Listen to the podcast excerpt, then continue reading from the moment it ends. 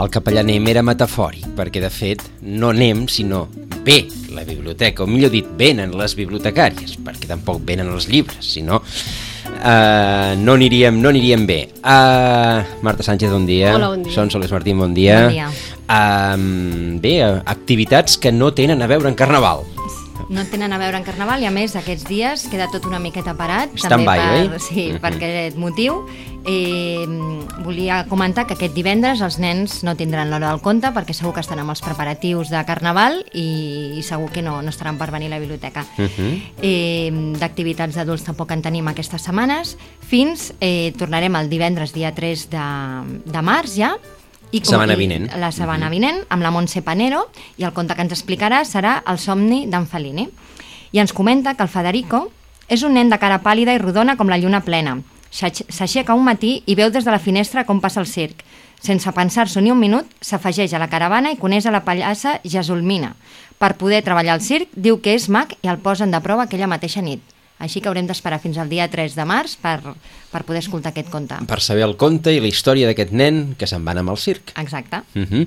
Aquesta serà l'activitat, com deia la Sonsoles, no és aquesta setmana, sinó és la vinent, El dia 3 de març. el dia 3 de març. Doncs aquesta és la- l'activitat que de Hora del Conte, la propera activitat de, de Hora del Conte. Què més? Exacte. Doncs voldria remarcar l'horari que fem per Carnaval, que sí que modifiquem una miqueta la biblioteca. Uh. -huh. Avui dijous gras només tenim obert al matí, de 9 a 2.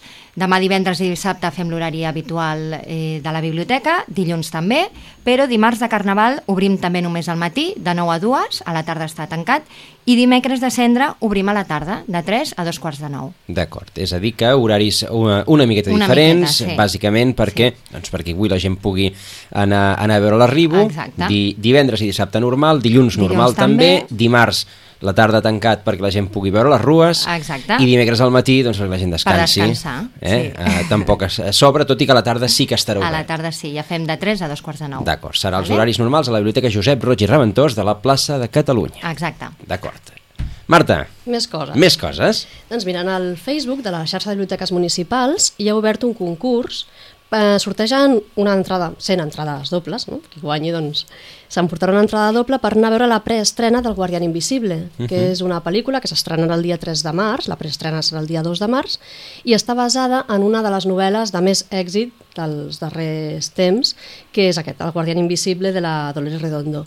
És la primera part d'una trilogia que ha tingut molt d'èxit de lectors, que és d'aquestes novel·les que enganxen, que tenen molt bona crítica i, i que recomanem des de la biblioteca. Les tres parts són El Guardián Invisible, eh, Invisible, El llegat dels ossos i Ofrena la tempesta. Uh -huh. Aquestes novel·les ens se situen a, al costat del riu Baztán, al País Basc, i allà doncs, es descobreixen una sèrie d'assassinats i la protagonista d'aquestes històries i de la pel·lícula és la, la Maya Salazar, una inspectora d'homicidis que es, es vol obligada a tornar al seu lloc d'origen del que ella, doncs, pels records, per tota la seva experiència d'infantesa, sempre ha intentat fugir i en aquests casos, per resoldre aquests assassinats, haurà de tornar en aquest lloc de, del seu origen i enfrontar-se també a les seves pors, als seus secrets, no? la seva vida més, més interna que ha intentat amagar. És a dir, un punt de novel·la negra, retorn Mhm. a l'origen, paisatge Sí, mm, sí, rural, sí, potent, allò sí. important. Mhm, Sí.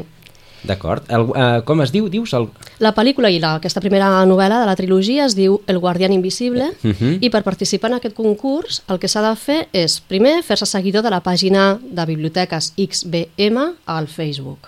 Primer fer-se seguidor, després contestar quatre preguntes sobre el guardián invisible, per tant ens hem hagut de llegir la novel·la, però hi ha moltíssims lectors que se l'han llegit, i tots els participants entren en el sorteig d'aquestes entrades dobles per assistir el dia 2 de març al Cinema Cinesa Diagonal de Barcelona a la preestrena de la pel·lícula. El resultat del sorteig es farà el dia 28 de febrer i no ho he dit, el termini per participar és fins al dia 26, però com que tothom que participi pot entrar en el sorteig, encara que quedin poquets dies, doncs si algú s'anima i vol participar, només ha de fer això, fer-se seguidor de la pàgina i contestar quatre preguntetes sobre Però aquesta novel·la. s'ha d'haver llegit la novel·la. Sí, però no és difícil perquè ja et dic que a la biblioteca surt moltíssim en préstec i és d'aquestes que tenen reserves, que hi ha llista tant aquest, aquesta primera part com les altres dues de la trilogia. Doncs eh, interessant aquesta primera de les propostes a través del Facebook, de la pàgina de Facebook de la xarxa de biblioteques. Exacte.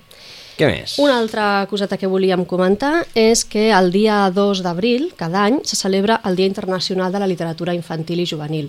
I les biblioteques que s'hi volen adherir a la celebració d'aquest dia doncs, sempre s'organitza alguna hora del conte especial, o que també amb el temps doncs, ja ho anunciarem. Però aquest any l'Organització Espanyola per al Llibre Infantil i Juvenil també ha promogut un concurs.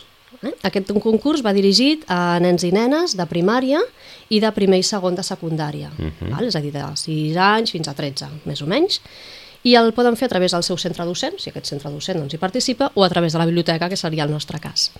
El que s'ha de fer per participar en el concurs, primer, és escollir un personatge d'uns dels contes d'Andersen, que són tots molt coneguts, de Hans Christian Andersen, que precisament per això se celebra el dia, el 2 d'abril, Eh, alguns d'aquests personatges, la Sireneta, l'Anna Lleig, l'Emperador, el Bastinó de l'Emperador, el Sudet de Plom, la Reina de les Neus, hi ha moltíssims contes d'aquests de la tradició popular i que ja considerem clàssics, uh -huh. que van néixer de la ment i la imaginació del Hans Christian Andersen.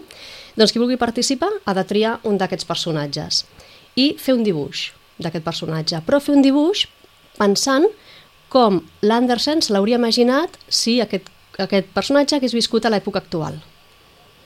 El sudet de plom aniria vestit de soldat com ens l'imaginem, com el veiem il·lustrat en els contes, o aniria vestit d'una altra manera, com a soldat? L'emperador, quina roba portaria l'emperador?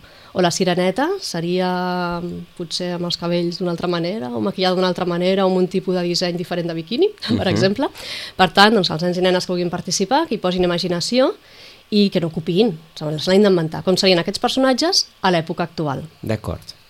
Eh, això ho han d'enviar a la biblioteca, juntament amb un petit escrit explicant per què han fet aquest dibuix, perquè han triat el personatge i per què l'han dibuixat com l'han dibuixat. Uh -huh. I la biblioteca serem les encarregades de triar tres finalistes, diguéssim, i els enviarem en el jurat després, que acabarà de decidir quins són els, els guanyadors.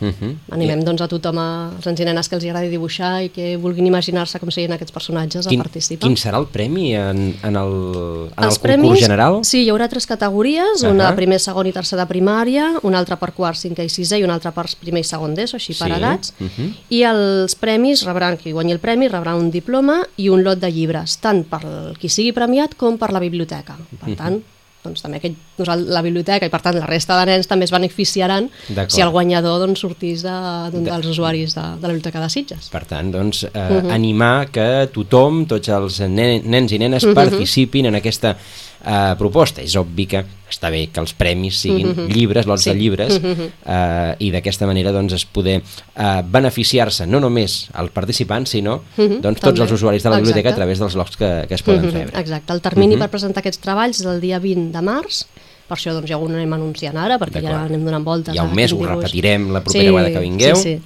I sí que s'ha de fer en un, en un format que ja ve establert, però qui vulgui participar doncs, que vingui a la biblioteca i ja li donarem el full on s'ha de fer aquest, aquest és a dir, no és, que port, no és que facin un dibuix a casa seva, sinó que Mhm. ja a la, sí, hi ha a la biblioteca mides ja... establertes i, i per tant, hi- qui vulgui participar que, hi que s'informi a la biblioteca. Perfecte, doncs uh, un concurs al voltant dels contes de Hans Christian Andersen. Uh -huh, exacte. I per acabar, volíem Mhm. parlar sobre les entrevistes virtuals. És una part de la, de la, del portal de, de biblioteques, de la web de biblioteques, on cada mes hi ha un autor protagonista i tothom qui vol pot fer-li preguntes Mhm. i l'autor doncs, es compromet a contestar-les i després surten totes publicades. És com una entrevista feta entre tots els seus lectors.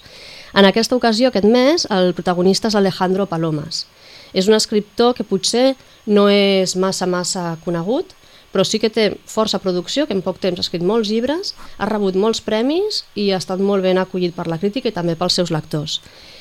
Eh, Alejandro Palomas, en una entrevista que he llegit sobre ell, hi ha una frase que m'ha cridat l'atenció i que penso que ja diu molt sobre la seva manera de ser i per tant d'escriure. No? És, de petit volia ser Mary Poppins perquè volia volar. I m'ha agradat perquè de petit ho volia ser, però que de gran encara recordi no? que ell volia ser Mary Poppins perquè volia volar i que li agrada aquest personatge, doncs paraigua. trobo, sí, doncs trobo que diu molt d'aquesta persona i no? de la seva, de la seva sensibilitat que després traslladen als seus llibres.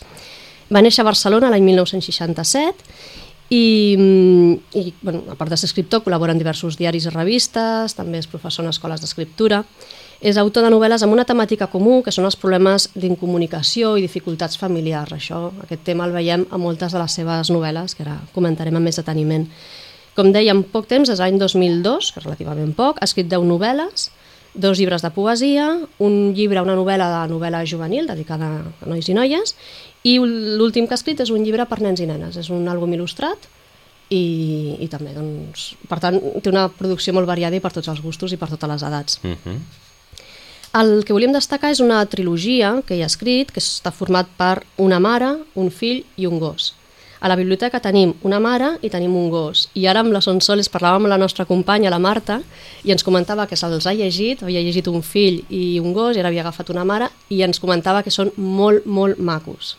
Que una història pot, ser, pot semblar trista, però que està molt ben escrita, amb molta sensibilitat, com deien, i a ella li estaven agradant moltíssim i sabia, bueno, estava llegint els, els tres llibres. El, els títols és això que, que heu comentat, una, Una mare, un, fill, i un, un gos. gos. Són Exacte. tres llibres. Són tres llibres. D'acord. Aquest del mig, un fill, és el que va rebre un premis a, com a novel·la juvenil Uh -huh. i els altres dos doncs, estan més classificats com a novel·la, però en tot cas són aquest tipus de novel·la que són per, per totes les edats, que no, no hi ha tampoc un tall de dir és per adolescents o per adults, bueno, és aquestes novel·les que una miqueta per tothom.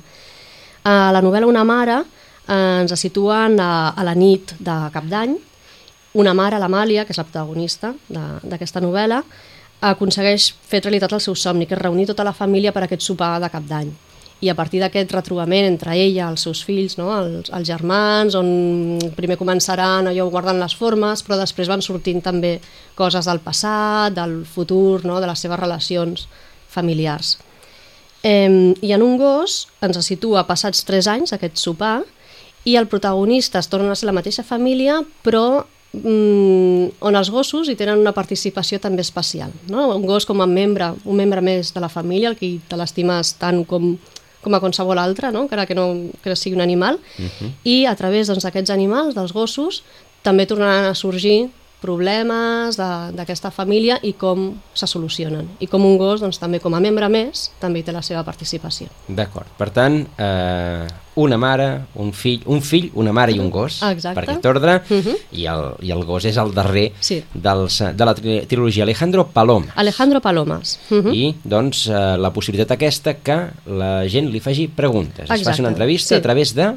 A través de la pàgina web de biblioteques, eh, recordes l'adreça? Sí, bibliotecavirtual.diva.cat. D'acord. Exacte. bibliotecavirtual.diva.cat La gent doncs, que tingui interès en, en aquest eh, escriptor, en aquest escriptor doncs, no tan jove, però sí que eh, relativament eh, nou i relativament desconegut eh, entre eh, el gran públic encara, eh, però que doncs, ha fet algunes, eh, alguna, alguns treballs, de, com ens comenta la Marta, de gran sensibilitat. Mhm, Exacte. Uh -huh.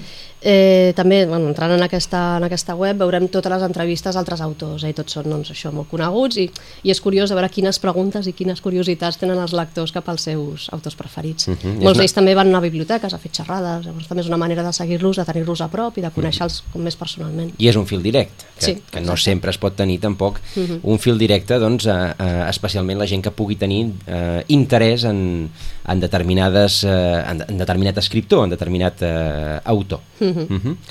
Tenim alguna cosa Doncs per avui res més. Per avui res més? Eh, S'acosta el Carnaval, oi? I aleshores hi ha un petit descens de l'activitat a les biblioteques, això sí, sempre va bé doncs, llegir una miqueta o continuar repassant eh, tot allò que, que ens interessa i que ens dona el, el món de, la, de les biblioteques, aquí a Sitges de moment, a la Biblioteca Josep Roig i, i Reventós. Sonsoles, moltíssimes, gràcies. Gràcies. Marta, moltíssimes gràcies. Gràcies. Ens retrobem d'aquí a més o menys 15 dies, perquè Sí. serà, serà un dimarts, em Exacte, sembla, sí. el proper dia que vindreu. Que vagi molt bé.